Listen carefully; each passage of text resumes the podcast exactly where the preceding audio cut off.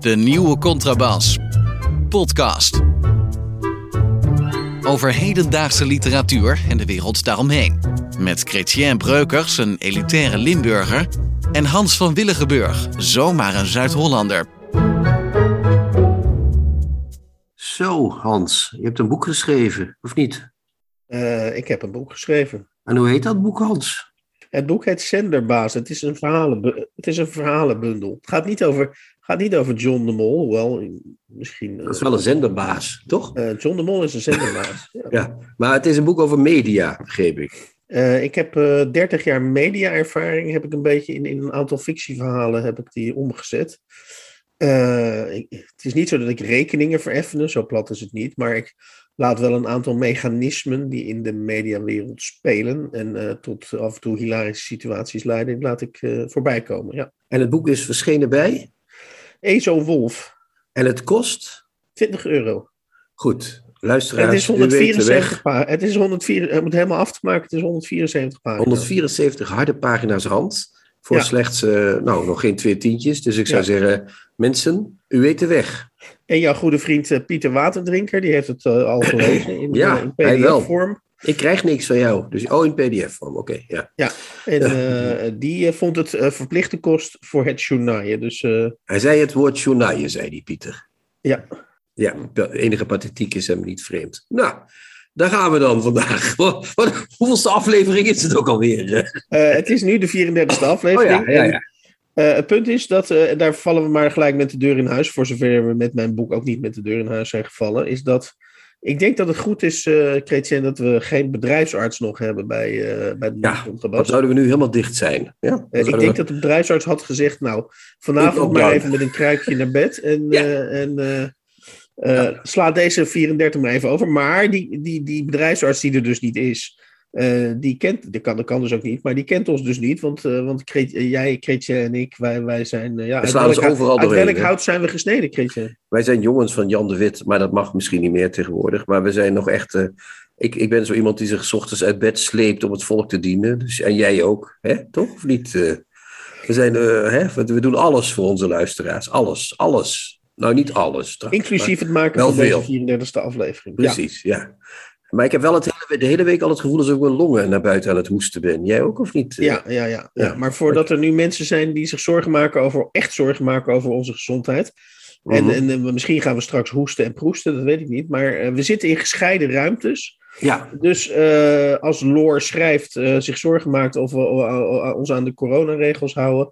we zitten we. op meer dan 100 kilometer van elkaar af. We zitten ook, ook de technicus zit in een andere ruimte. Dus het is allemaal verantwoord. Ja, Loor zit hier wel bij mij trouwens. Wist je dat niet? Die is vandaag hier. We hebben een omgangsregeling. De ene dag heb jij Loor en de andere dag ik. Maar ze is nu bij mij. Enfin, okay. weet ze zelf ook wel. Maar goed, ja. Goed. Ga door. Uh, maar waar gaan we eens mee beginnen? Ik, la, ik, leg het, ik leg het gewoon even bij jou neer. Nou, ik, zag, ik zag gisteren een prachtige documentaire op televisie, gek genoeg. Uh, en uh, die documentaire heet Hoe overleef ik? En die was van, dat ging over, bedoel ik, uh, Francine Ome. Ken je Francine Oh, dat is die Omen? hele reeks, hoe overleef ik mijn moeder, hoe, hoe overleef ik mijn school en zo, ja. Ja, ja, ja. Nou, jongens, dan komt de eerste, dan komt de eerste nies. Oh, oh. Nee, ja, gaat wel. Moet je in het licht kijken, dat helpt. Uh, ik heb die boeken van haar, als ik eerlijk ben, nooit gelezen. Maar mijn dochters lazen die toen ze jong waren. hoe overleef ik mijn familie? hoe overleef ik mijn vader? Vond ze altijd heel grappig om het te laten zien dan. en ik vind Francine Omen gek genoeg heel sympathiek.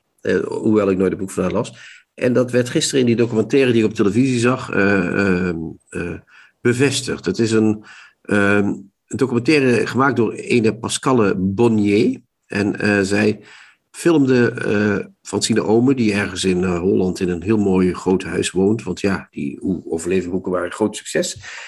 maar die Francine Ome worstelt daar met haar eerste boek voor volwassenen, waarin ze haar eigen jeugd en um, doorgeeftrauma behandelt. En in die documentaire blijkt, ik, ik geef niks weg, want er is al veel over geschreven, blijkt dat zij uit een wat moeilijk gezin komt. Haar vader verliet het gezin vroeger met de buurvrouw te scheiden. Toen met de buurvrouw te trouwen, sorry, en van haar moeder te scheiden. En kort daarna trouwde de moeder met de buurman. Dus het was een bizarre, bizarre toestand.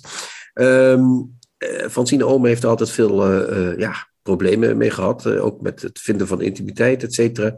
En zij beschrijft dat in dat boek. En uit dat boek blijkt ook dat het misbruik wat haar moeder is overkomen in haar jeugd die is misbruikt op jonge leeftijd, ja. haarzelf na die scheiding ook is overkomen. Dat, dat is dat doorgeeftrauma waar zij over schrijft. Nou, is helemaal in jouw straatje, klinkt dit, uh, Er wordt, wordt veel geworsteld, dat heb jij graag in de literatuur. Zeker, zeker. En ik weet niet of Francine Ome zo mijn favoriete auteur is, maar zij tekent en schrijft dat op, dat verhaal. Dus zij tekent ook zelf. Zij maakt op de iPad tekeningen en al hele pagina's met illustraties en verhalen erin.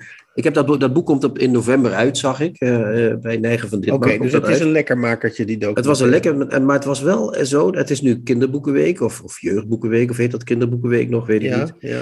En nou, ik, ik vond het echt een, een, opvallend. Ik heb dat niet gauw, maar ik was echt geboeid door deze documentaire. Ja. Dus, dus het zou zomaar kunnen dat jij dat boek gaat lezen? Dat, dat boek van, van, van Sinoma ga ik zeker lezen, ja. ja. Oké. Daar zal ik dat, dat zeggen we vaker in de podcast, zoals jij ook altijd zegt, maar dat in dit geval gaat dat zeker gebeuren, ja. ja, ja. Oké, goed. Dat was mijn eerste ding, ja. Ja, dan hebben we natuurlijk, uh, ik zou bijna zeggen, de zaak Rooney. De zaak Rooney. Je bedoelt Weet niet, je al waar uh, ik het over heb? Je bedoelt niet die voetballer van Liverpool, hè? Hoe heet die nee, alweer? die bedoel ik niet.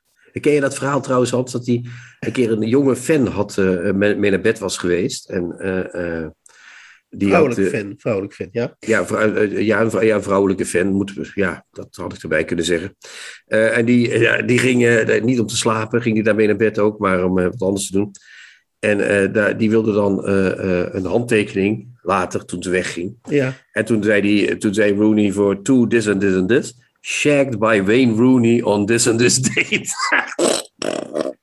Het was wel een humorist, die Rooney. Over de voetballer hebben we het nu, hè? Dan, bedoelt... niet, niet, over uh, Sally Rooney, maar uh, ja. ja. Je bedoelt, als humorist missen we heel erg in het moderne voetbal, missen we een type Wayne Rooney. Ja, Wayne Rooney is een beetje wel het type wat een beetje uitgestorven is. Want het is geen Virgil van Dijk die altijd het teambelang voorop zet. Wayne Rooney was nog echt van het uh, hoeren en snoeren. Het ouderwetse, zeg maar, ja. Ja, ja. Maar goed, Sally Rooney, daar wil je het over hebben. Sally ik, Rooney, jij weet, weet jij, het is bijna een quizvraag, het is misschien een kinderachtig, maar wat is er met Sally Rooney aan de hand? Weet je Haar, dat Ja, ze heeft een roman geschreven.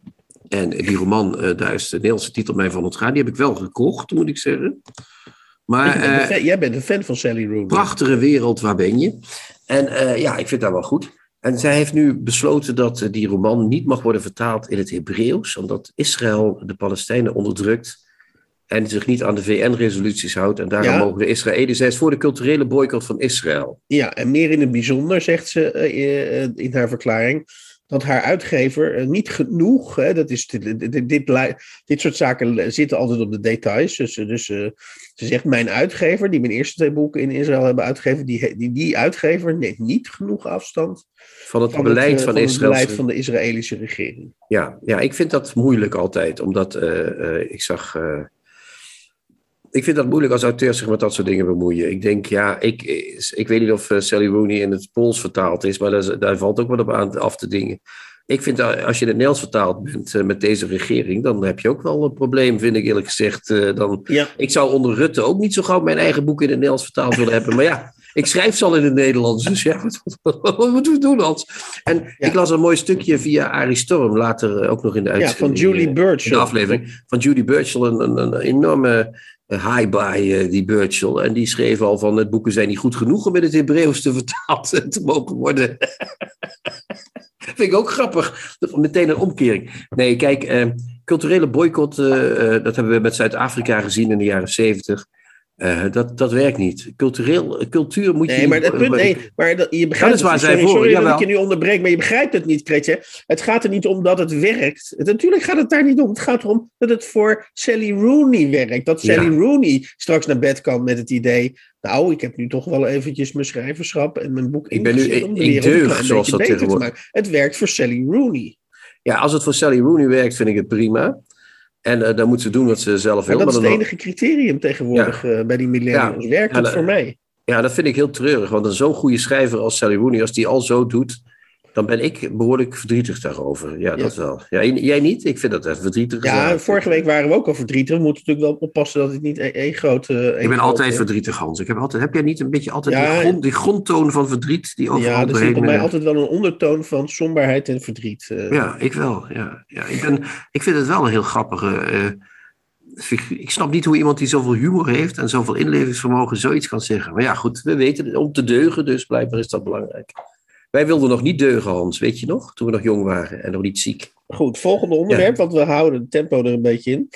Uh, wat mij betreft gaan we het hebben even kort over Robert Schuit. We hadden het vorige week over Anne de Kramer.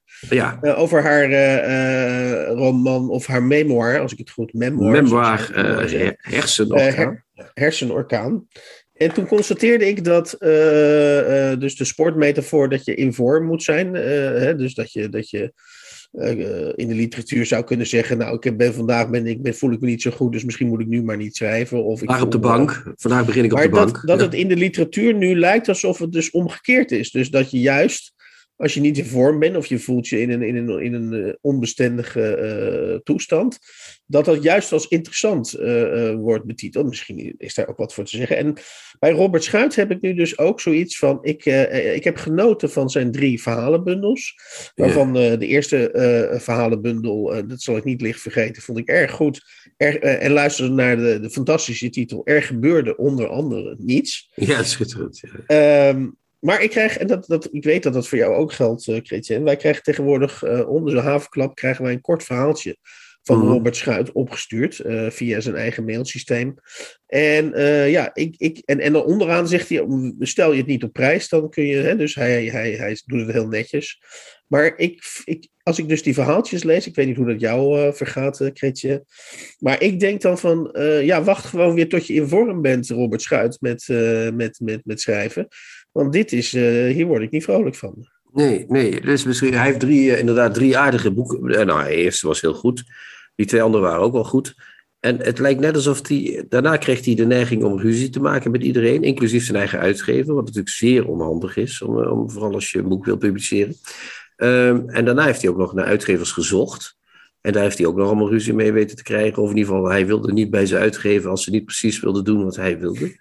Uh, het lijkt een beetje alsof hij op de zelfdestructietour ligt. Wat natuurlijk niet helemaal uh, waar hoeft te zijn, want hij heeft ook net een kindje gekregen. Ja. Uh, lezen we dan in die verhaaltjes. Hij heeft dat kindje samen met Gerda Blees gekregen. Een beroemde, toch succesvolle auteur op dit moment. Hè, van Wij zijn licht.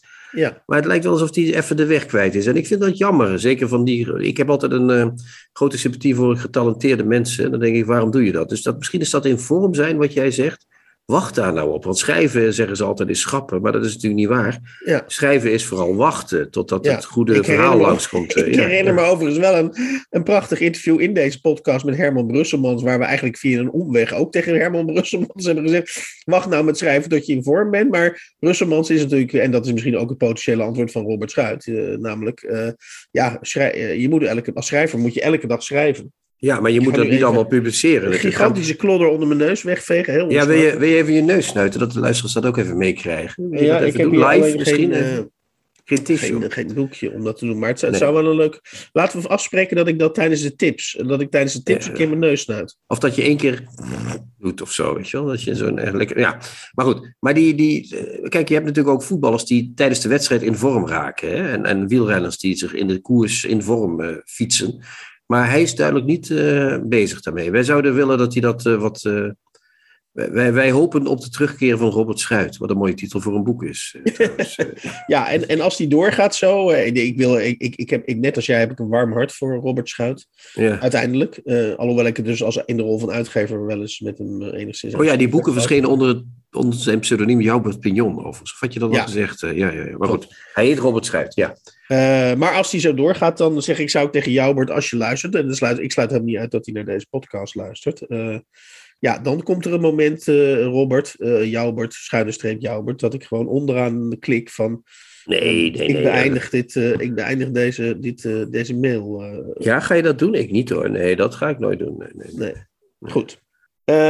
dan hebben we nog Dave Eggers. Ja ehm, ik, ik, ben een, ik, ik, ik was een hele grote fan, of ik ben nog steeds een hele grote fan Eh, van, eh, je weet, uh, Chrétien, ik hou van ambitieuze boeken. Ik vind, hè, de, we hebben het hier al in, in, volgens mij zelfs in de allereerste uitzending of in de tweede, over Grand Hotel Europa gehad van Ilja Leonard Pfeiffer. En dat deden we toen nog in het kader van de kibbel. Die, die rubriek is een beetje, die is een beetje op de zijsporen geraakt. Ja, we zullen binnenkort ik, alweer verdedigen, voor de, voor de duidelijkheid, ik verdedigde Grand Hotel Europa. En jij vond het eigenlijk een, rol, of, nou, een rotboek, weet ik niet. Maar in ieder geval wel zwaar, zwaar, over, zwaar overschat. Laat ik vond het een beetje aan de lange kant. Dat ja. ik nog wel. Ja. En uh, De Cirkel is wat mij betreft valt een beetje in de categorie ambitieuze actuele uh, roman. Maar ik, ik vind dus De Cirkel vond ik een fantastisch uh, boek. Al was het maar omdat halverwege de hoofdpersoon, die inderdaad bij een Google-achtig bedrijf werkt, die inderdaad de,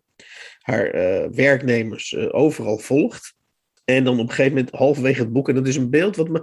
En dat vind ik knap van een boek. Dat is een beeld wat me altijd is bijgebleven. Is dat de hoofdpersoon zich aan de klauwen van, die, uh, van, die, uh, van, die, van, die, van zijn Google-werkgever probeert te. Dus hij, hij werpt alle camera's af. Hij doet al zijn apparatuur waarmee zijn werkgever hem kan volgen.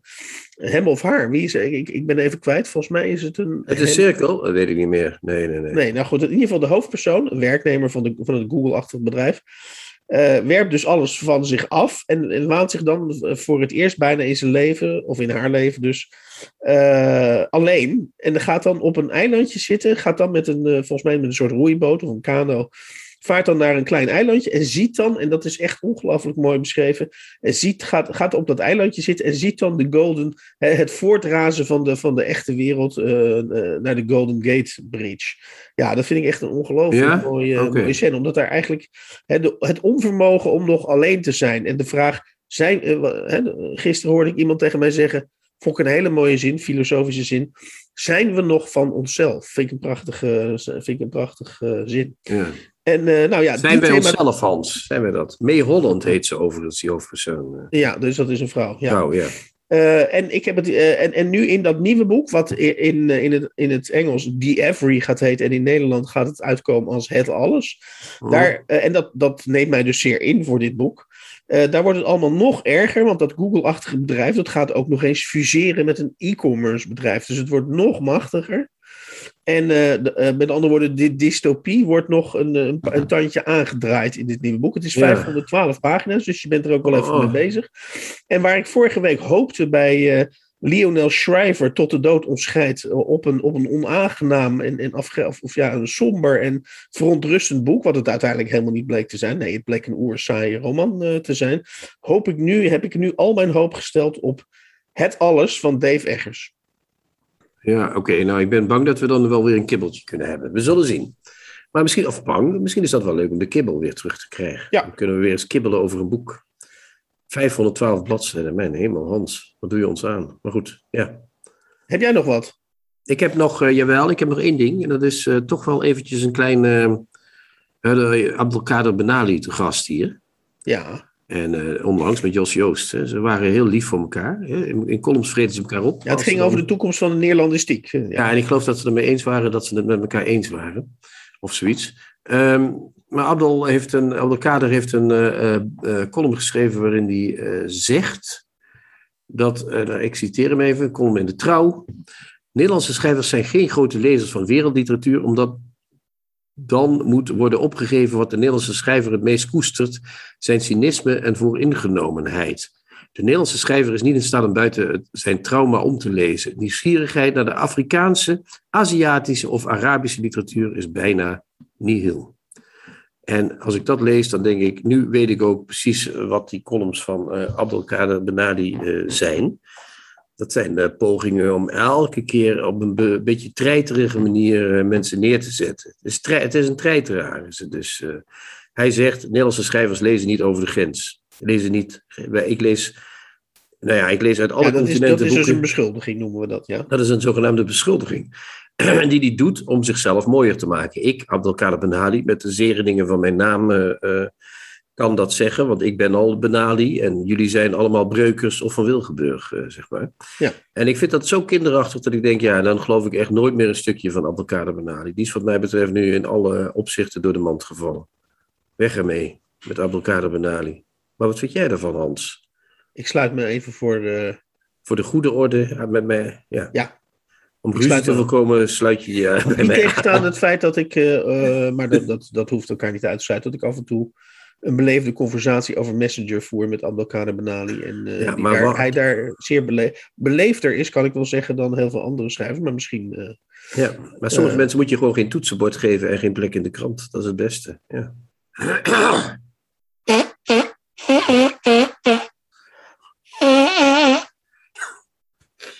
Zo, dat lucht op, zeg hé.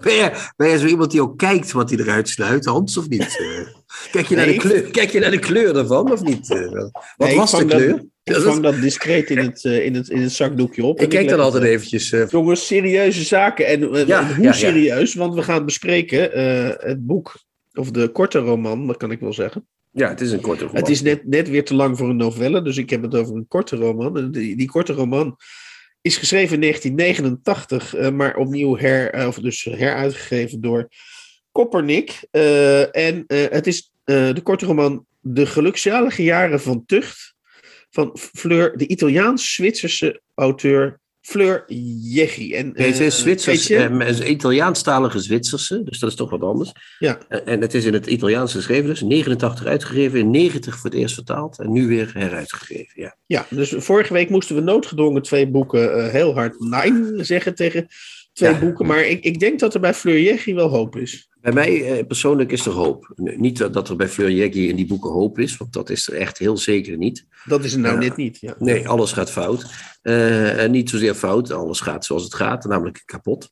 Eh, maar wat ik wel vond, eh, dat ik eh, sinds lang weer een boek moest lezen voor de podcast, als ik het zo mag zeggen.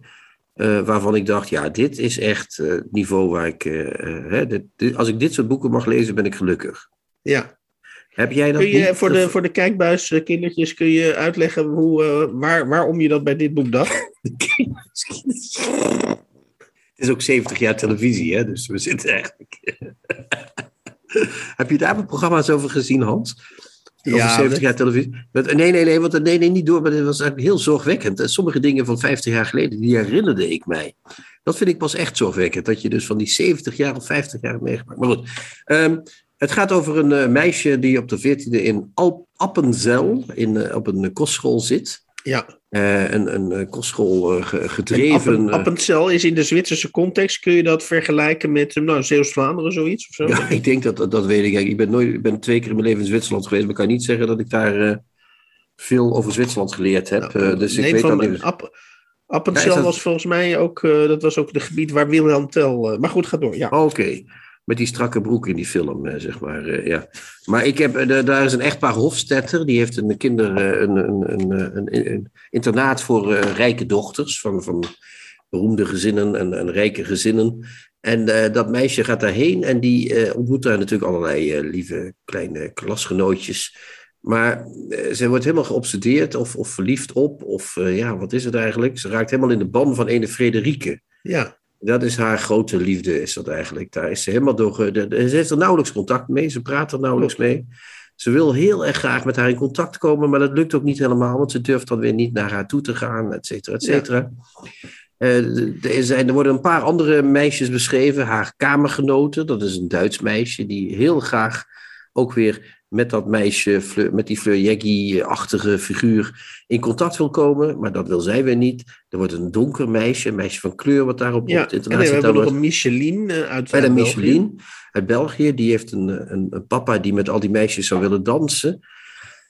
Wat we tegenwoordig een smeerlap noemen, hè? maar vroeger nog niet. Dat is een heel gekke, een beetje eh, perverse wereld, eh, schetst Fleur. Ja, als ik die- even mag inbreken. Kijk, het, bijzondere aan dat boek en waarom het misschien voor jou dus bijzonder is, is dat gedurende het hele boek eh, wordt die Frederik, op wie dus al die lustgevoelens en al die verliefdheidsgevoelens wordt geprojecteerd. Eh Fleur Jackie doet dus geen enkele poging, eigenlijk het tegenovergestelde, om die, om die Frederik als begerenswaardig neer te zetten. Want ze is eigenlijk heel kil. Ze, ze, ze, ze, heeft nou, ze zegt nauwelijks iets. En, en, en dat is natuurlijk een deel van de spanning in het boek. Is dat je tijdens het, tijdens het lezen van het boek denk je, in godsnaam, waarom ben jij op die Frederik, eh, waarom vind je het zo belangrijk wat zij doet? En, en, en dat wordt eigenlijk ook niet, niet echt opgehelderd. Behalve dan dat natuurlijk, de zo lees ik het althans, dat je om volstrekt onnavolgbare of onnaspeurbare redenen eh, iemand verliefd op iemand kan worden of helemaal hoog op de botel van iemand kan worden. Ja, dat klopt. Ja, dat is ook heel goed beschreven. Dat, althans, dat beschrijft ze dus eigenlijk niet.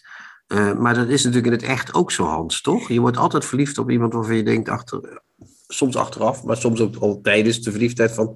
Maar waarom? Waarom ben ik nou net dat type zo? Maar je hebt soms dat de liefde toeslaat, dat weet je. Ja. Hè? Dat zal je toch uh, niet onbekend voorkomen. Dat je ineens is het zover. Dan, ben je, dan zie je iemand en dan weet je, ja, dat is. Ik weet dat ik uh, vandaag, precies vijf jaar geleden, ben ik iemand tegengekomen waarvan ik op het eerste moment meteen al wist, daar word ik verliefd op. Ja. En dat is ook gebeurd. En dat is uh, ja, min of meer tot nu toe nog steeds zo. Ondanks het feit dat we geen verbindenis hebben. Net zoals die figuren uit de gelukzalige jaren van tucht. Uh, maar goed, dat kan. Hè? Je kunt verliefd zijn op iemand zonder dat je precies weet waarom. En het kan zelfs een ronduit onaangenaam uh, iemand zijn. Maar dat is wel zo, ja. Ja, de reden, de reden dat, ik niet, dat, dat ik wel... Ik zie wel dat het een bijzonder boek is, maar waarom ik er toch wel een stuk gematigder positief over ben, is dat ik, ik heb het idee dat dat internaat, wat, dat dat internaat, en daar is op zich niks tegen, eigenlijk is dat internaat in mijn ogen de Ja, uh, ja, ja, dat zeg je goed. Ja, ja. En, uh, en, zijn die, en komen die, die, die, die figuren, die worden, al, die, al die meiden en, en ook die, die, die, die, die, die, die dat echtpaar dat het internaat runt. Dat zijn eigenlijk, ja, dat zijn sla ja, slaven is misschien wat groot, maar dat zijn eigenlijk die, die, die kunnen dus alleen maar opereren binnen het raamwerk van dat internaat. En, en, en het hele boek suggereert eigenlijk, zo heb ik het althans gelezen, dat omdat uh, die, uh, die meiden in dat internaat zitten, ze, dat, uh, dat internaat gaat zodanig in hen zitten dat het vervolgens, zonder dat het dat ook daadwerkelijk de rest van hun leven beschrijft, maar dat je als je het leest denkt, nou, dat internaat gaat nooit meer uit ze. Ja, maar het internaat bestaat ook alleen maar bij de gratie van die rijke gezinnen. Dus het internaat bootst ook al misschien de wereld waaruit dat voortkomt na. Snap je Ja. wat ik bedoel? Dus Ja. het is een, een boek dat gaat, en dat zeg je heel goed. Eh, Dat internaat is al eh, een vorm, daar wordt al een vorm van macht uitgeoefend over mensen. Van zo moet je leven later. Hè? Dat is wat ze daar leren.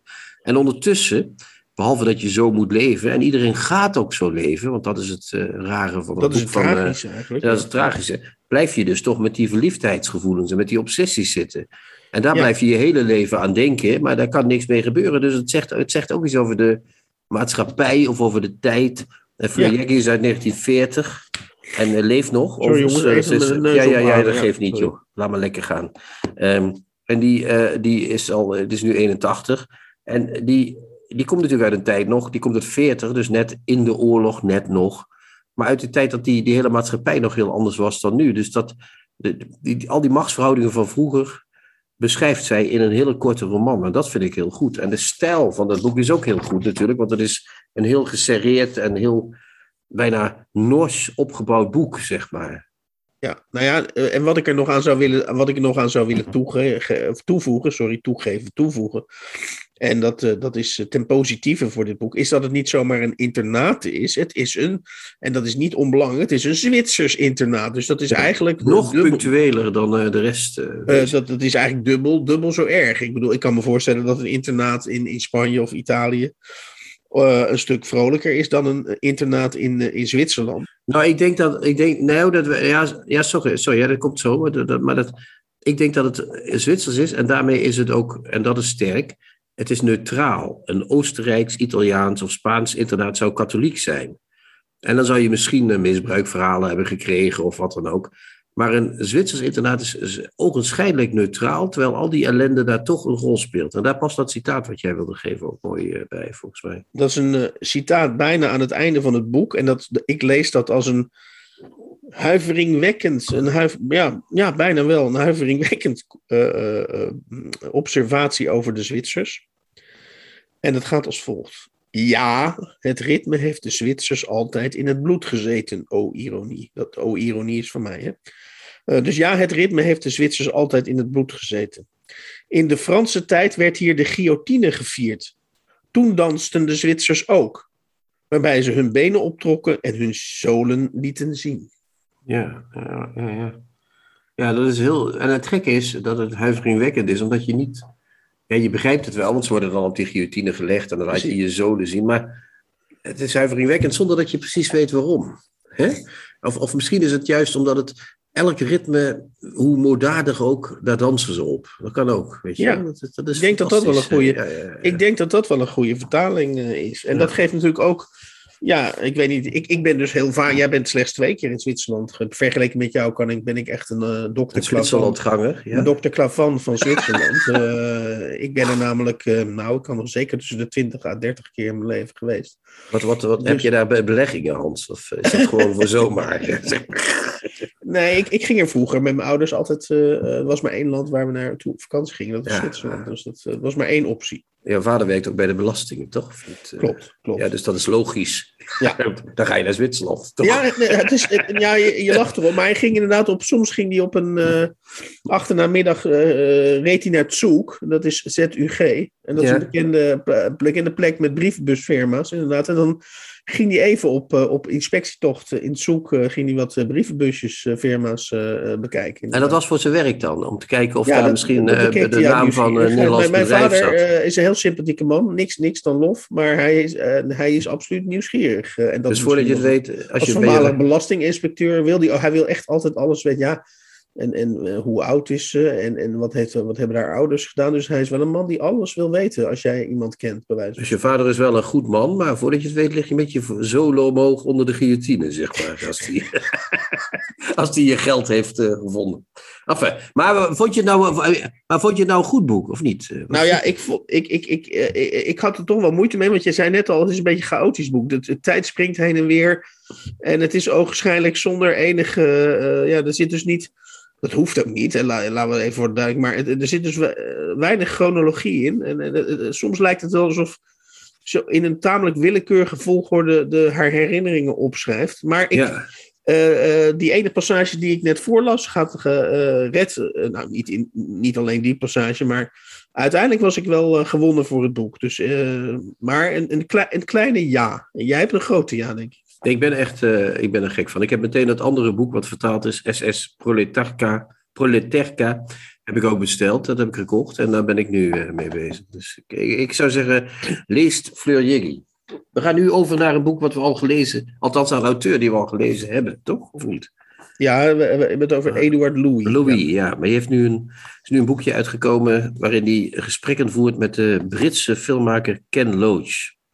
Ja, en, En- even voor de goede orde, mensen die, die beide namen nog even niet kennen. eh, Eduard, eh, zowel Eduard Louis, de Fran- jonge Franse schrijver, geboren in 1992, als Ken Loach, de, de, de veteraan uit de, van de Britse cinema, geboren Mhm. in 1936, eh, eh, zijn eh, uitgesproken links Ja. en, zijn, en vinden elkaar in dit boek op, in hun teleurstelling over, ja, over, over wat links op dit moment klaarspeelt. Ja, En links heeft de massa wat- verraden. Wat ja. mij betreft culmineert dat, als ik nog even mag, kijk je. Ja, sorry, sorry, sorry. Wat mij betreft culmineert dat, eh, dat die onvrede van zowel de linkse Eduard Louis als de linkse eh, Ken Loach in eh, het woord de arbeidersklasse. Zij hebben het nog gewoon, net zoals in de jaren zeventig, over de arbeidersklasse. En zij begrijpen niet, of zij nemen het links kwalijk, kan ik wel zeggen dat links de arbeidersklasse als woord heeft afgeschaft. En eh, nou ja, daar heb ik later nog wel wat over te zeggen. Maar eh, ja, dat, eh, dat vinden ze dus een hele kwalijke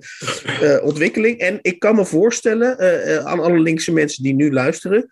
Als je het in het dagelijks leven met Jesse Klaver en Liliane Ploemen moet doen, als, als, als baken van hoop, dan zou ik zeggen, dan is er absoluut een markt. Dan moet je dit boek absoluut lezen. Ja, dan blijkt ook dat eh, zowel Jess Klaver als Lilian Ploemen niet heel links zijn natuurlijk. Ja. Want eh, in het voorgesprek zei eh, onze producer at large, Erik Lindenburg, die zei al van, ze maken zich tegenwoordig druk om werk en niet meer om de arbeider. Ja, en om arbeid en niet om arbeiders. Niet om, sorry, hij zei het nog spitser, hij zei om arbeid en niet om arbeiders. En eh, dat klopt. Eh, kijk, in de oude tijd eh, ging het om de arbeider en die moest meer gaan verdienen. En die moest een beter huis kunnen hebben en dit en dat. En nu zijn er bedrijven die nemen mensen in dienst.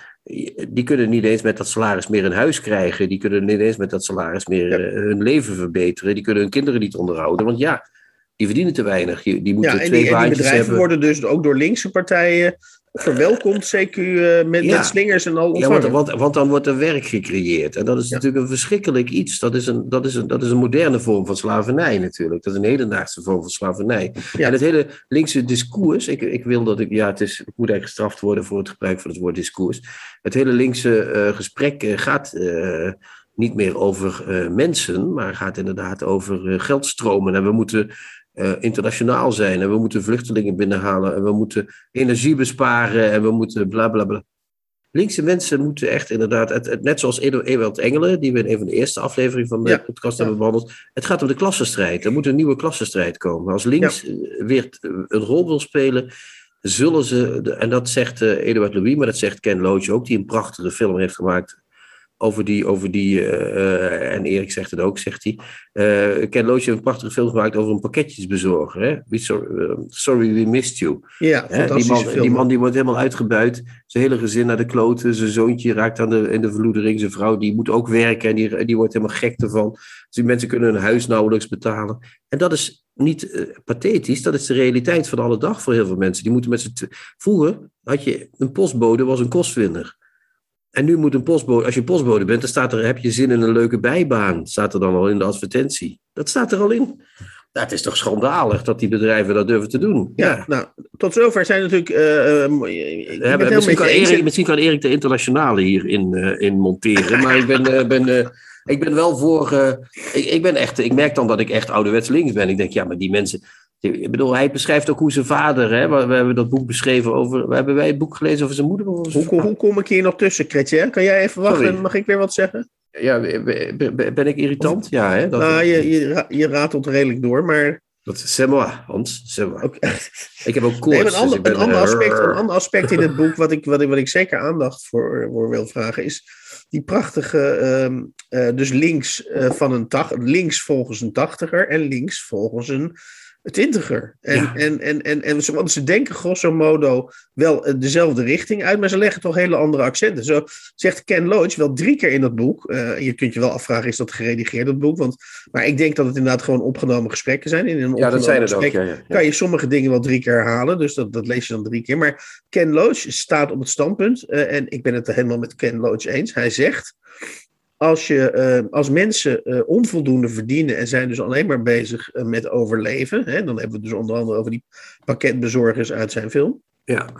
Van die mensen kun je niet verwachten dat ze empathisch zijn. Of kun je niet verwachten dat ze eh, solidair zijn of, of, of dingen gaan delen. Dat, je gaat, Dat kan ook soort niet, want die gevoelens- hebben niks Dat soort gevoelens delen. krijgen pas een kans als je, eh, als je ja, de, basale, hè, dus op de piramide van Maslow, als je de onderste treden achter je hebt gelaten, dan, zijn, dan is er, ontstaat er plek. En, en, eh, om dat soort eh, overwegingen een kans eh, te geven. En, en met andere woorden, hij pleit er gewoon ouderwets socialistisch voor om een soort, eh, nou, tamelijk ruimhartig bestaansminimum voor iedereen eh, te creëren. En hij zegt, dat is het begin van een menswaardige samenleving. Ja, dan, maar, dat, maar dat zegt Louis ook, hè? die is ook voor het ja, maar. Louis, Louis is. eh, en eh, eh, Ken Loach legt ook de nadruk op veiligheid. Hij zegt. Eh, als je je geborgen weet, dat is dan een andere vertaling voor dat je dus een vast inkomen hebt.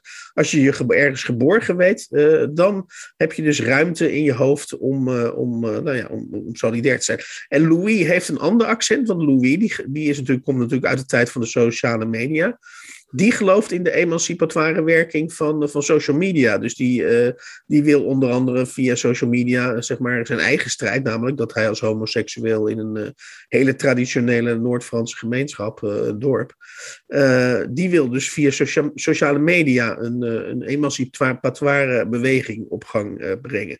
Iets wat, bij, iets wat bij de tachtiger Ken Loach totaal niet op de agenda staat. Maar Louis is er ook wel voor dat die mensen toch ook een soort menswaardig en, en, en minimum Absoluut, bestaan absoluut. hebben, toch? Of niet? Maar die, die Ken Loach heeft natuurlijk nooit die social media verder gebruikt. Dus, eh, of zie jij wat, ik zie het verschil niet eigenlijk. Want ze zijn allebei wel voor bijvoorbeeld het, het, het, het, het eh, hoe heet dat ding? Het, het eh, minimumloon, hè? De- Ja, niet het minimumloon, maar zelfs het, eh, hoe heet zo'n ding? Nou, nee, ik heb het net Ja, maar, het, het, ja, maar het accentverschil is dat Ken Loach. Ken Loach is heel erg van de gemeenschap. Hij, is heel, hij betreurt heel erg de, de teleurgang van de vakbonden. Ja, want ja, dat, ja. dat waren zeg maar de natuurlijke vertegenwoordigers van de arbeidersklasse. En Louis heeft de vakbonden nauwelijks meegemaakt, dus die kan er ook niet Nee, dat is waar. Ja, ja. Dat is toch een verschil. Ja, je hebt en, gelijk. en Louis zit meer toch op het individualistische discours van bevrijding van minderheidsgroepen. Dus uh, Ja. Louis is ook voor de klassenstrijd, maar wel met de aantekening van eh, de minderheidsgroepen die aandacht Ja, verdienen. ja, ja, ik vind allebei sympathiek. En, maar ik merk van mezelf, maar dat komt door de leeftijd waarschijnlijk, dat ik toch een uh, Loach-fan ben dan, blijkbaar. Ja. Ik vind dat Nou ja. iedereen geld moet krijgen en dat Ja. het afgelopen moet zijn met... En, en op het gevaar dat ik het nu te, te dat ik het enigszins kwaadaardig maak, maar goed, dat doe ik dan voor de, voor de sake of the argument. Ik, ik, ik denk dat eh, de arbeidersklasse zoals die nu bestaat, anno 2021, dat die dus eigenlijk staat en leeft en zich gedraagt op een manier waar de linkse partijen eh, eh, ten diepste afschuw voor voelen. Ja, zeker. en eh, ja, dat, dat- dus met andere woorden, in die zin is link, hè, tegenwoordig heb je het systeem is kapot, het geld is kapot, maar in, de, in deze zin is links natuurlijk ook kapot. Misschien is Links rechts is ook wel, ja. misschien is rechts ook wel kapot, daar wil ik vanaf wezen, maar op deze manier is links ook kapot. Ik denk dat links kapot is, daar heb je gelijk in, en rechts is destructief. Die denken, we beuken nog even op links in. Rechts bestaat omdat links bestaat. Ja. Snap je? Dus we zijn toe aan een eh, nieuwe... eh, nieuwe er moet echt, als, als er iemand zou komen die, die deze gevoelens in politiek weet om te zetten, ja, dat, ja, die heeft zo eh, 40 zetels. weet Ja, maar we, ik moet, we moeten niet naïef zijn. Ik, ik probeer er een punt aan te draaien, maar wel. eh, ik- kijk, als ik kijk naar Lilian Marijnissen, ik zeg niet dat zij perfect is, maar Die vind ik goed, eh, daar stem ik op. die vind ik toch wel goed. En en ja, ik ja. snap eigenlijk niet dat veel, niet veel meer linkse mensen op, eh, op Lilian Marijnissen stemmen, eerlijk gezegd. Het is ook, Die, is ook het nog over. Het klassenstrijd. het is ook nog een vrouw en ze ziet er ook nog leuk uit. Ja, ik, Ja, eh, maar goed. En SP'ers eh, denken nog aan klassenstrijd. Die willen, die willen dat, dat gezeik van, eh, van eh, die willen woningen en, en pensioen op je 65ste en bla bla bla. En dat is eh, wat het moet zijn. Hans, zullen we nu de internationale aanheffen samen, toch? Ook? Of, Ja. eh, Nou, ik denk, dat het, ik, denk, ik denk dat Erik dat voor ons gaat doen. Eh, die, die gaat, ook- Erik is ook een linkse jongen. Hè? Erik, zing jij de internationale eens een keer?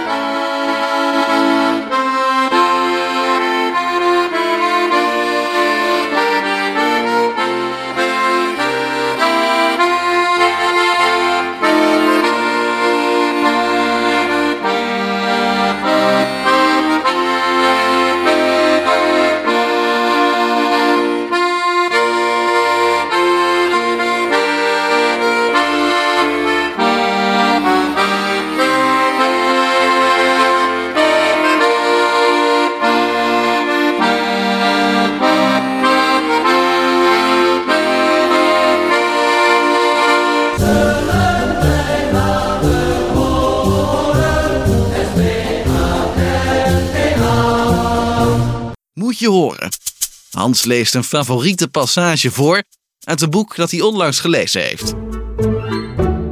Ditmaal hebben we een korte passage, dus eh, wat extra concentratie, want voor je het weet is, eh, is de passage alweer afgelopen. De passage gaat als volgt.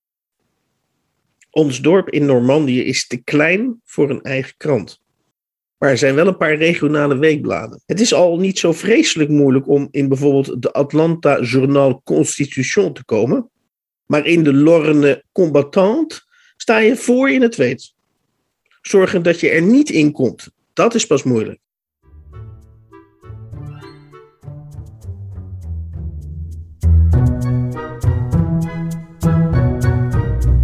De nieuwe contrabas. Podcast. Welkom in de nieuwe contrabas Arie Storm. Arie Storm is eh, een romanschrijver. Eh, hij schreef in 2019 List en Leed, prachtige roman. Schoonheidsdrift in 2021. En hij schreef het horrortheater van de Nederlandse literatuur. Dat verscheen ook in 2019, eh, waarin hij eventjes de Nederlandse literatuur de maat neemt. En dat valt lang niet altijd mee, althans niet voor de Nederlandse literatuur. Ehm, we hebben hem hier in de uitzending vandaag omdat hij meewerkt aan een project van de theatertroep. Dat heet Stuk voor Stuk. Daarin schrijven zeven eh, auteurs een één acte van tussen de 10 en de 20 minuten, als ik het goed begrepen heb. Ik moet nog gaan. Uh, en je hebt er eentje van gemaakt, Arie. Wat is precies, uh, wil je iets over dat project zeggen en iets over jouw onderdeel van dat project? Um, nou, de theatertroep is een, uh, is een toneelgezelschap in Amsterdam. En die hebben bedacht dat het leuk zou zijn als schrijvers een één acte zouden schrijven. vanuit de gedachte dat het misschien wel aardig was als proza-schrijvers, dus schrijvers van literaire fictie over het algemeen, ook eens iets wat met toneel deden. En er zitten schrijvers bij die, die inderdaad zijdelings wat met toneel hebben gedaan. Maar er zit ook iemand als Don Duins bij, die volgens mij al 80 toneelstukken heeft geschreven. Dus wat dat betreft zou je het project mislukt kunnen noemen. Maar, nee, maar dat is dus heel goed dat er verschillende schrijvers bij zitten. En we hebben dus Gustav Peek, Jamal Yachi, Rijke Schermer, Iduna Paalman, Tom Hofland, nu moet ik niemand vergeten. Uh, Tom Duits en ik, dat zijn de zeven één-acteur-schrijvers. Uh, en en zat, er, zat, zat er een was, er, was er enige vorm van instructie, behalve dan dat er, dat het tussen de 10 en 20 minuten moest zijn, of was het een compleet vrije opdracht? dat was de ene instructie, dat het tussen de 10 en de 20 minuten moest zijn. En de andere instructie was dat het geen monoloog moest zijn. Dus het was niet de bedoeling dat je één iemand op het podium zette en die dan 20 minuten een verhaal uh, niet afsteken. Het is geen Henk van Ulzen, zeg maar. Dat nee, nee. er moeten ook wel interacties tussen verschillende acteurs zijn. En het zijn uh, zeven uh, acteurs. Ik mocht je allemaal gebruiken, maar je mocht er ook twee gebruiken of drie. ja, dus, jij, hoe, hoeveel heb jij er? Allemaal, allemaal. En ze ook met dubbelrollen en zo. Dus eigenlijk is het... nee, de, de, de, de, de, de hoofdgezelschap, dat, dat is een schrijver die verrassend veel op mij lijkt. En, uh, en zijn vrouw, die verrassend veel mijn vrouw lijkt, en zijn dochter. En uh, die drie die zitten thuis in, in quarantaine. Het speelt zich af tijdens het virus. En die, die, die doen dus allemaal een eigen ding. Dus zijn vrouw is aan het, aan het Zoom vergaderen met collega's. College, hoorcollege kunstgeschiedenis. En een koptelefoon op. En ik ben een beetje de schrijver. Die is een beetje aan het aanvoeren over het schrijversvak. En dan hoor je een toffe knal. En dan ligt er opeens een lijk op de overloop. En de, ja, wat er dan gebeurt, dan gaat het echt en, en een lijk op de overloop, zeg je. En, en, in het huis waar ze wonen, begrijp ik dat goed? Of, ja, ja in Amsterdam, op, uh, op twee hoog. Dus die, uh, die man, het is een man, die is blijkbaar... ja, die huis in Amsterdam zit altijd een beetje ingewikkeld in elkaar. Die is blijkbaar via de, de, buitenvoordeur... Die heeft hij dus weten te passeren. Daar heeft hij blijkbaar sleutels van gehad. Die heeft hij geforceerd. En voor de binnenvoordeur... Daar ligt hij. Buiten, voor mensen buiten Amsterdam is het misschien moeilijk te volgen, maar daar ligt hij. Nou, we hebben in, in sommige andere steden hebben ze ook grotere huizen, dus het komt goed. Oh, ja. ja, het, is, oh, het, is, goed te doen. Ja. maar, maar, maar, een hele arme buurt. Met, dus, ja. ja. Maar ik, ik, uh, ik vraag het ook. Maar, maar, dat is dus. En wat gebeurt er dan verder in dat stuk? Of is dat het. Nou, de, de, eerste die, die, die, die, die dat lijk ziet, dat is de schrijver. En die ziet het lijk, maar die ontkent dat het er is. Dus die gaat gewoon weer naar binnen.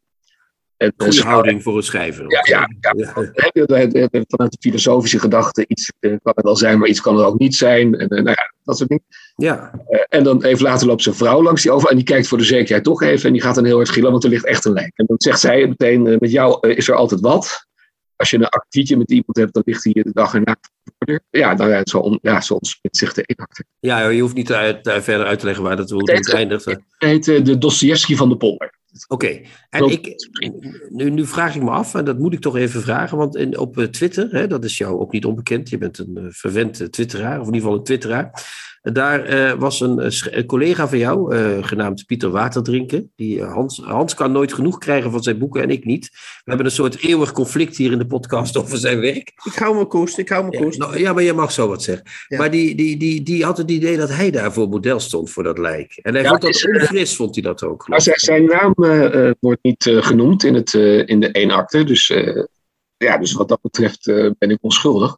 Ja. Um, maar Kester Frederik schreef in een recensie in de, in de theaterkrant dat het om Pieter Waterdrinken ging. Oké, okay. en heeft Kester Frederiks gelijk dan, of niet? Nou ja, er zijn redenen om te denken dat het een Pieter Waterdrinken achter kan zijn. Ja, het gaat over een schrijver, die, een Nederlandse schrijver die in Rusland woont. Oké. En, en, die snel uh, in woede ontbrandt en dan iedereen gaat uitschelden. En een slokje heeft, af en toe een slokje op. Oké, maar al, al, alvorens we zeg maar, moeten ingaan op wat we misschien juist niet moeten doen, namelijk dat we natuurlijk naar moeten gaan kijken en het niet tot het einde moeten gaan, uh, gaan navertellen. Er is, ah, natuurlijk wel enige, er is natuurlijk wel enige reden voor Kester Frederiks om te vermoeden dat het eh, Pieter Waterdrinker is. Al was het maar volgens mij, en dan moet je me maar even corrigeren als dat niet klopt, dat jij hem één keer en misschien zelfs meerdere malen een kitschschrijver hebt genoemd. Nee, volgens mij heb ik Pieter Waterdrinker. Ik, ik zou het wel willen hoor, maar ik heb hem volgens mij nooit een kitschschrijver genoemd. Nou ja, ik pak je kans zou ik zeggen. Hier, hier kan, hier Hij heeft het nu je- gedaan, ja, ja. Nee, hij, is, hij, is, hij is een keer heel boos op me geworden, tenminste. Ik kreeg toen een, een, woedende, zoiets, een personal message of zo. Of, hè, bij- bij- Direct message, ja, ja. direct message, ik weet niet. Eh, omdat ik had hem eh, eh, voor, eh, wat was het, Tchaikovsky stratenboek, had ik hem in het rol drie sterren gegeven. Oh, netjes. Heel schappelijk is. Ja. En de slotzin was zoiets als, eh, het is een lekkere verteller, maar het is natuurlijk geen literatuur. Ja. En dat, dat lekkere vertellen, daar kon hij geloof ik nog wel mee leven, maar dat dit is natuurlijk geen literatuur, daar, daar viel die af. ja, wat gek, ja. Ja, ja. Maar, dus, eh, maar wat ik, misschien moeten we het even wat breder proberen te trekken. voordat we het eh, oneindige en heerlijke pad van Pieter Waterdrinks reactie, Pieter Waterdrinks reacties gaan. eh, want hij is, hij is nogal reagerenzuchtig, zeg maar. Want als ik jouw tweets bijvoorbeeld leuk vind, dan is hij boos op Hans. Want ja, die breukers van jou, die, is weer, die vindt weer iets leuk. Enzovoort, enzovoort. Maar eh, jouw stuk eh, gaat dus, als ik het goed begrijp, eh daar, daar ligt een lijk op de overloop en dat is een schrijver. Dus daar zit iets van een problematiek met, het, met de literatuur of met het schrijverschap in. Oeh, dat is wel een hele serieuze, maar goed, oké. Nou ja, kijk, ik ben zelf schrijver. Mhm. Eh, toen ik die één acte schreef, heb ik me verplaatst in een schrijver. Dat ging dus eigenlijk vrij eenvoudig. En ik dacht, wat is er nou het ergste wat er in zo'n quarantainesituatie kan gebeuren voor een schrijver? Ja. Dat is eigenlijk dat er een andere schrijver langskomt, die, eh, die allerlei eh, dingen wil gaan doen. En toen dacht ik, ja, nog erger is als die schrijver meteen iedereen de problemen brengt doordat hij gewoon dood is. ja. En dat lijkt een eh, eenvoudige oplossing van alles, maar dat maakt het eigenlijk alleen maar ingewikkelder. Vooral als hij voor je deur gaat liggen natuurlijk. Als hij voor je deur gaat liggen en vooral als, als, als jij bijvoorbeeld een akkefietje met die schrijver hebt eh, gehad. Waardoor je, Hmm. ja, schrijvers zijn een beetje paranoïde, want die, ja, die zitten de hele dag thuis maar te schrijven en, allerlei horrorscenario's te bedenken. Dus bij het minste of geringste zijn ze van slag. Ja. De schrijver is ook meteen van slag. Dus die denkt niet wat een normaal mens zou denken. Eh, er ligt een lijk voor mijn deur, ik heb er niks mee te maken, ik bel de politie en die zoeken het verder maar uit. Maar die denkt, er ligt een lijk voor de deur, de politie legt die link tussen hem en mij en ik ben meteen hoofdverdachte. Ja, die ziet zichzelf wel in de gevangenis zitten. Bij wijze van spreken. En dat, Ja. dat, dat ziet hij op zichzelf nog wel zitten, omdat hij dan eh, eindelijk wat rust aan me komt. En dan kan ik wel schrijven en zo. Eh, maar aan de andere kant, eh, ja, gevangenis klinkt toch ook niet super aantrekkelijk. Misschien Nee, een gekke zeker vraag, niet. Arie, maar, maar is, is, is dit toneelstuk, want ik begrijp van jou dat dit je eerste kennismaking met het toneelschrijven is. is Nee, ik heb twee of drie jaar geleden heb ik eh, Circus Reven geschreven. Dat is toen Oké. in Korp en in de Cre- Creonterp. Nou, ik denk dat je dat zegt. In Creonterp. op. Oké, Oh, ja. oké, maar, maar is, is, is, dit, is deze één acteur, is dat in jouw ogen een typische storm? Of was het überhaupt een streven van jou om het een typische storm te laten zijn? Met andere woorden, jouw handtekening als schrijver onder, onder dit eh, toneelstuk eh, te zetten? Nou ja, het, het is wel een typisch, typisch iets wat ik geschreven heb. Als je, eh, als je werk kent, begrijp je dat ik dit geschreven heb. ja, want het gaat over een schrijver die zit te schrijven. En die, Er zit dus een metalaag in, er zit ironie in, er zit, is het nou wel of geen lijk, Eh, ligt hij er überhaupt wel? Dat, dat, soort dingen zijn wel typisch. eh. Ja, ja, ja. ja. He- Heb je nou het idee dat jouw werk, dat die, die hele polemiek, hè, die, die je daar toch eh, min of meer aanstipt in dat lijk, als ik dat zo mag zeggen, eh, dat dat, dat, dat eh, behalve de ironie en het postmodernisme, dat, dat is polemiek toch wel een van de pijlers van je werk, of niet? Eh, Nou, misschien wel als, als uitgangspunt, maar ik, ik, vooral bij het schrijven van toneel, maar ook bij mijn romans, denk ik toch vaak aan interessante dramatische situaties. Dus je denkt eerder aan het lijk dan aan de literatuur. Ja, als je, als je niet de link met Pieter Waterdrinker legt, dat, het ook leuk is. Dus stel dat, er helemaal, hè, dat je helemaal niet weet dat er eh, een Nederlandse schrijver in Rusland is die eh, op Twitter vaak boos is of zo. Dan moet het ook. Welke schrijver was dat ook alweer, Arie? Zo wil je dat even zeggen? welke, welke schrijver bedoel je daarmee? Maar dat is wel grappig om te zien, want ik heb het een paar keer nu gezien. En in de, in de zaal zit dan eh zit publiek, dat is natuurlijk een beetje de bedoeling ook. En een gedeelte daarvan is heel erg ingevoerd in literatuur. En die vullen dat meteen in dat zit. En sommige mensen hebben werkelijk niet door dat het hier op Pieter Water, ja, hoe onwaarschijnlijk dit ook klinkt, dat het hier misschien wel op Pieter Water zou kunnen gaan. En die hebben toch een leuke, die zien toch een leuke eenachter. En dat Ja. Dus, dus het idee is dat het, dat het algemeen, eh, dat, het universeel, dat het universeel werkt. Oké, maar die polemiek is daar niet essentieel voor, zeg maar. Nou ja, het is wel zo dat als ik, als ik, eh, als ik eh, eh, schrijf, dan denk ik wel vaak aan dingen die, die, waar ik me over heb eh, geërgerd of zo. Of, eh, want dat kan vaak juist een prikkel zijn. om Ja, iets te gaan natuurlijk. Ja. Ja. maar dat geldt niet alleen voor uh, erg aan andere schrijvers, maar dat geldt ook aan maatschappelijke situaties, privépersoon, uh, omstandigheden, ja, whatever. Maar dat geldt denk ik niet alleen, dat is niet zo specifiek voor mij hoor. Ik denk dat veel schrijvers vanuit een soort onvrede schrijven. Ja, maar jij doet het heel nadrukkelijk. Hè? En je doet het in die zin heel, ja, je bent natuurlijk een echte postmodernist, als ik dat mag zeggen. Als je dat niet een belediging vindt. Ik, ik vind dat geen belediging, maar het schrikt wel lezers af. Ja, dat is waar. Maar dat, wij, wij zijn hier onder ons, hè, dus we zijn hier niet om de lezers af te schrikken. Ik, ik, in het Horrortheater heb ik het genoemd uh, toegankelijk uh, postmodernisme. Maar toegankelijk is tegenwoordig een nieuw woord voor achterlijk, dus dat is ook weer niet helemaal goed. Maar, uh, maar ja, postmodernist kan ik dat niet. Ja, ik ja. zelf maar dan wordt het wel erg technisch. Een, een hele late modernist. Een late modernist, ja, oké. Okay. Ja. Ja, um, een soort, eh, ja, je geluid valt een beetje weg. Je moet af en toe toch nog wat dichter bij de. Ja. Ja, ja, ja. Maar, maar, maar die, die, die, uh, dat postmodernisme, dat, uh, dat is natuurlijk ook gebaat bij die uh, polemiek. Heb je nou het idee dat dat in deze tijd niet meer zo um, opgepikt wordt? Of dat, want het lijkt wel alsof. Ja. En ze zijn wel een beetje tegen politiek tegenwoordig. Dat merk ik.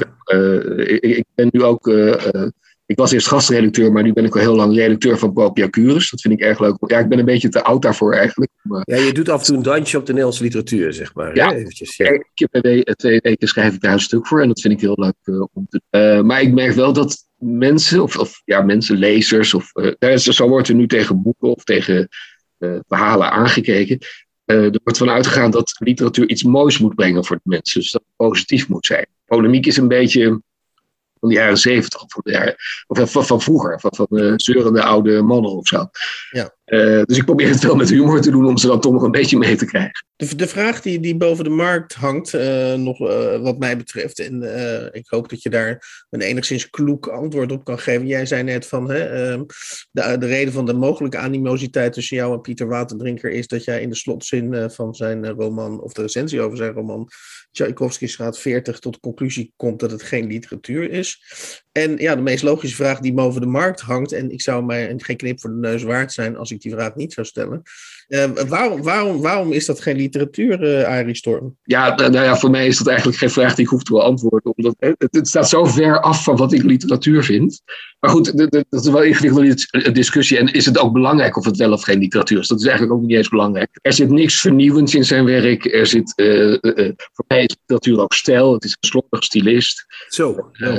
hij maakt wel lange zinnen, maar eigenlijk zijn het geen lange zinnen. Maar zijn het de, korte zinnen die, die, waar hij gewoon commas in plaats van punten zet. ja, het is een beetje een babbelaar. En, mag, mag ik daar iets aan toevoegen? Ik vind hem ook geen vent. Want hij is, we hebben hem uitgenodigd om hier te komen. En het feit dat ik niet, uh, hem ook niet goed vind, is voor hem een reden om niet te komen. Dus hij ziet het, uh, hij ziet de horror ook niet onder ogen, zeg maar. Ja. Dat zegt misschien nog niks over zijn literaire kwaliteit. maar het is wel geen vent dan, natuurlijk. Ja, ja ik, ik, ik weet het niet. Het is, maar goed, wat, wat is wel of wat is, wat is niet literatuur? Daar kun je natuurlijk eindeloos over. Ja, Nee, ik, ik, heb, ik heb het geregistreerd. Ik, ik heb geen vragen meer over. Hans had nog wat oud zeer liggen, zeg maar. heb jij nog een mooie slotvraag, eh, Christian? Nou, ik, ik, ik uh, heb wel een mooie slotvraag. Nee, ik heb niet zozeer een mooie slotvraag over het stuk, want ik ga er nog naar kijken, zoals ik zei. Um, het is echt heel leuk hoor. Maar ik, ik ben natuurlijk wel betrokken. Maar niet alleen mijn eenakte, maar al die. Uh, ik hou namelijk zelf ja. helemaal niet zo heel veel van toneel of om, om er te, te zitten, zeg maar. Ja. Uh, dat, uh, maar je, je hebt echt een topavond. Het is, uh, ik kom naar Frascati een keer. Maar ik heb nog, ja. nog een volgende vraag. En dat is de allerslechtste vraag die je kunt stellen. Daarom stel ik hem als laatste aan jou. we hebben schoonleesdrift gehad. Is, is, is de paranoïde schrijver Storm... heeft hij al een, het lijk van een volgende roman op de overloop gevonden? Of, Ja, ja, ja, ik, ik, ik heb nu 20.000 woorden of zoiets. Dus, dus, je kunt niet meer terug, zou John Fanti zeggen. Dat is, nu is, het... is, dat, is 20.000 woorden de grens? Of, Ja, dat zegt hij altijd. Ja, dan, is het, dan, is het, dan, is het, dan kun je niet meer terug. Dan is het, maar je wil niks erover zeggen natuurlijk, hè? Nee, dat gaan we niet doen. Ik wilde wel iets over zeggen, maar ik weet niet of jij het wil horen. Of, uh, ja, of dat, dat, ja, dat, dat, is dan, dat is dan de slotvraag. Ja, ja. Oh ja, ja. Uh, nou, in, de, in de schoonheidsschrift, dat bestond uit uh, twee boeken eigenlijk. Hè? De Verschellinger Comedie met Tom van Zanten in de Een soort wiegelachtige politicus, zal ik maar zeggen. Ja. Ja, Tom van Zandt is niet die wiegelachtige politicus. Oh, sorry, dat is de schrijver, ja, sorry. Dat is, zijn, dat is zijn schoonvader, zeg maar. Ja, sorry. Uh, ja, nou ja, het is wel grappig, want die wiegelachtige politicus, die, heeft nu zijn, uh, die wil zijn memoires publiceren. Uh, maar er staan allemaal familiegeheimen in. Die heeft zich, zoals een echte schrijver betaamt, heeft het helemaal niet meer over politiek, maar over met wie hij allemaal mot heeft gehad. En er zijn allerlei mensen die die wiegelachtige politicus willen tegenhouden om die memoires te publiceren. En om de een of andere raadslachtige reden wordt mijn held Tom van Zanten daarvoor ingeschakeld. Dus die moet weer naar Terschelling. En niet alleen dus dat manuscript moet die vernietigen. Uh, maar dat is in deze moderne tijden nog een hele klus. Want dat zit natuurlijk uh, in clouds en op computers. Dus hij moet eigenlijk het hele internationale computernetwerk lam leggen om, dat boek, uh, om de verschijning van dat boek te voorkomen. En om het zeker voor het onzekere te nemen, moet hij ook de schrijver van het boek omleggen. Want ja, die kan het natuurlijk, als het vernietigd is, weer opnieuw gaan schrijven. Oh, mooi. Nou, dat is een, een, een, echte storm die ons hier te wachten staat. En je wordt echt een terschellingschrijver, hè, Arie? Nee, nee, want, nee, want uh, uh, ja. Uh, ja en nee. ja, het begint wel terschelling, maar toen dacht ik ook, ja, dat is op een eiland, dus op een gegeven moment heb je dat wel weer gehad. Dus de Wiegel-achtige politicus, die in mijn boek Alfred heet, Alfred W., die stelt voor met de aantal van om de hele zaak in de Dordogne verder uit te, te zoeken. Dat is in, okay. de, in Frankrijk, zoals je misschien weet. Aha, dus je, je gaat het nu internationaal uh, zoeken. Ja, ja. Nou, je hebt het prachtig verteld. Ik bedoel, in de zin dat je waarschijnlijk al heel wat, of redelijk wat dingen uh, hebt, uh, qua, qua constructie althans, hebt, hebt medegedeeld. Dus wat mij betreft gaan we rijkhalsend uitkijken naar dat boek. In 2022 spreken we elkaar weer.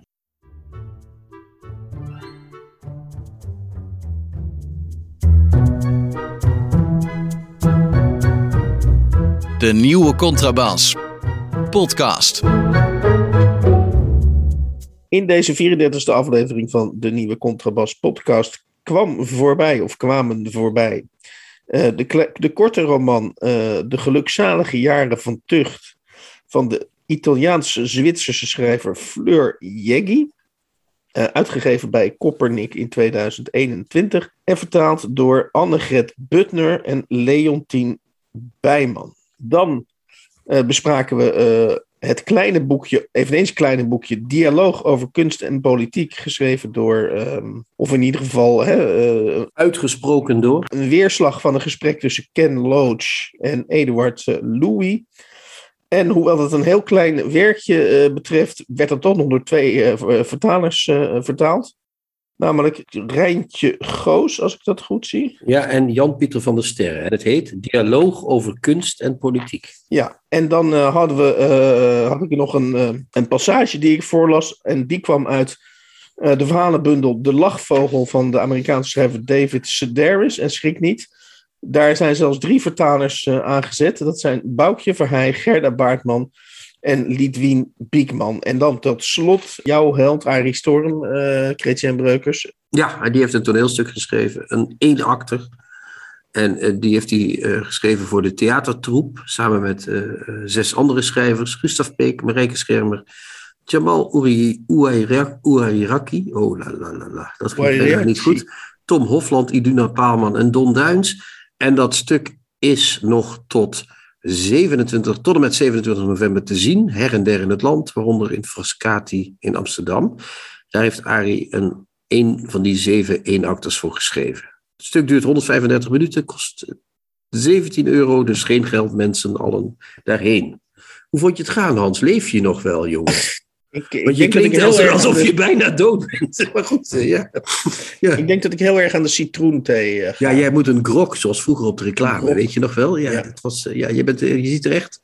Ja, ja, je ziet er goed uit hoor, daar gaat het niet om. Maar je klinkt, het klinkt alsof je van binnen langzaam aan het wegteren bent. ja. ja. we, gaan, we gaan gezwind op voor de nummer 35, desondanks. Ja bij, hoe heet dat? Deovolente en ijs en wederdienende. Tot de volgende week, lieve luisteraars. De nieuwe Contrabas podcast wordt gemaakt door Chrétien Breukers, Hans van Willigenburg en Erik Lindenburg.